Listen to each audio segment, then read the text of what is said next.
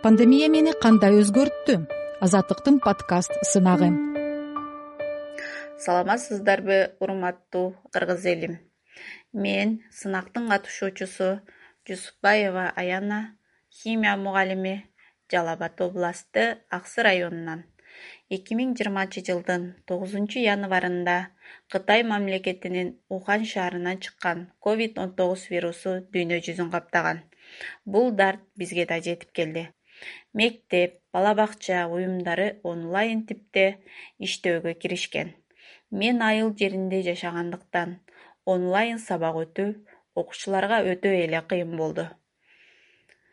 Бизде айрым айыл тургундарында жана окуучуларда телефон телевизор интернет связь жок болгон жашоочулар да болду. Бирок ошого карабастан окуучуларга сабактарды whatsapp telegram zoom classroom google программалар менен тесттик тапшырмаларды берип жаттым. Бул күндөрү онлайн сабак берүү өтө эле оор абалда болду. Айрым окуучулар түшүнсө айрымдары түшүнө албай кыйналып жатышты. Онлайн сабак киргизилгенден баштап окуучулар менен кайтарым байланыш түзүлүп андан сырткары дистанттык окуу курсуна жазылып үйдөн онлайн окуп модул тапшырдым.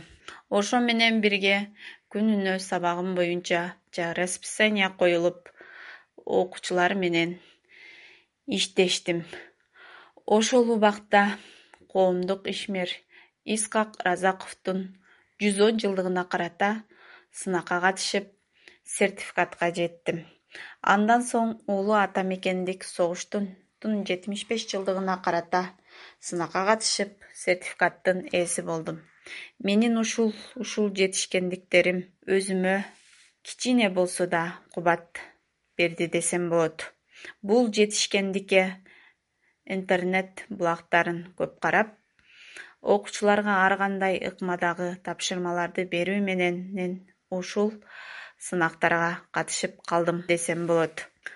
Андан сырткары аксы району боюнча онлайн видео сабак сынагына катышып биринчи орунга жеттим.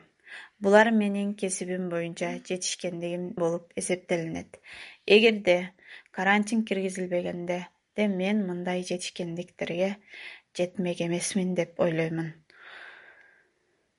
ал эми биздин айылда вирустун жеңил түрү өткөндүктөн бишкек шаарындагыдай болуп элдерде кыйынчылык болгон жок.